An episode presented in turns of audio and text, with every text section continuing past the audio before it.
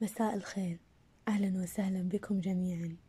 أنا إيلاف وهذا بودكاست همزة سمراء.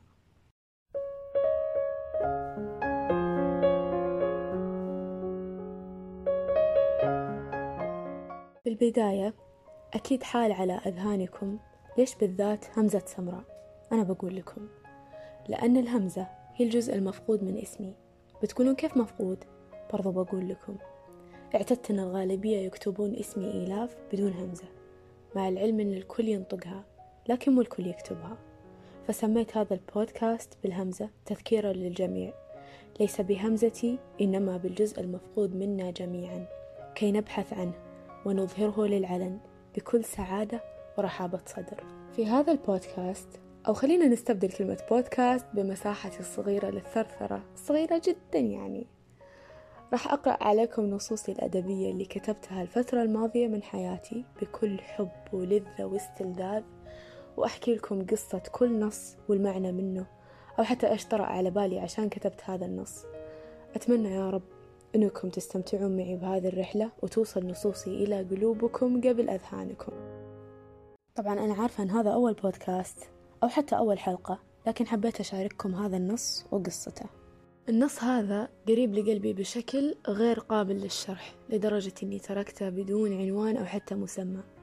في يوم عادي جدا فتحت حسابي بتويتر اللي كنت أكتب فيه سابقا ولقيت رسالة من وحدة. والرسالة موجزة جدا محتواها لو سمحتي ممكن مساعدة؟ فتحت لها باب الترحيب ورديت بسعة صدر أمريني. فما شفت من البنت إلا قصة طويلة تحكي لي فيها عن حياتها. طبعا أنا صعب أحكي لكم القصة حفاظا على خصوصية البنت لكنها طلبت مني أساعدها في كتابة رسالة لشخص يعز عليها وهذا الشخص في مهمة عسكرية ومسموح لها ترسل له رسالة فقط. ما أحكي لكم كيف ركضت لدفتر نصوصي يومها. جلست قابلت الدفتر ما أخذت خمس دقايق إلا حسيت إني تقمصت شخصيتها. لقيتني بدأت أكتب وكأني أعيشها وأعيش شعورها وأعيش كل التفاصيل اللي حكتها لي ضميتها كلها في نص واحد. هذا الشيء يمكن أخذ مني ساعة قعدت أكتب بروحي مع أن النص ما كان جدا طويل لكني كتبت هذا النص صدق بروحي.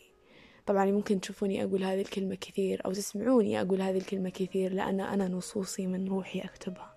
أكتبها بكامل مشاعري بكامل أحاسيسي. أمسكت بقلمي أحاول النهوض وكأن قلمي سلاحي الوحيد. فبدأت.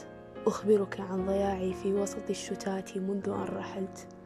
أتوق شوقا كأنما الشوق هنا عنك يشتكي.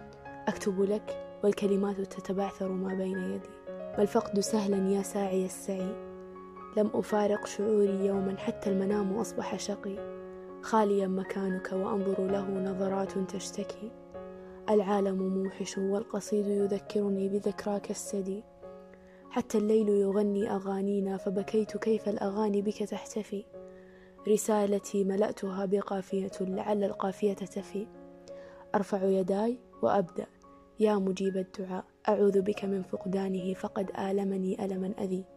وإذ بالوقت أصبح بطيئا بطء الزنزانة الردي. رباه أجرني من الوقت عداه فالوقت قسي. أعدك بقلب منتظر أمام بابك ووعد المشتاق وفي. حصنتك سبعا والسبع علمتها تعليم الجدي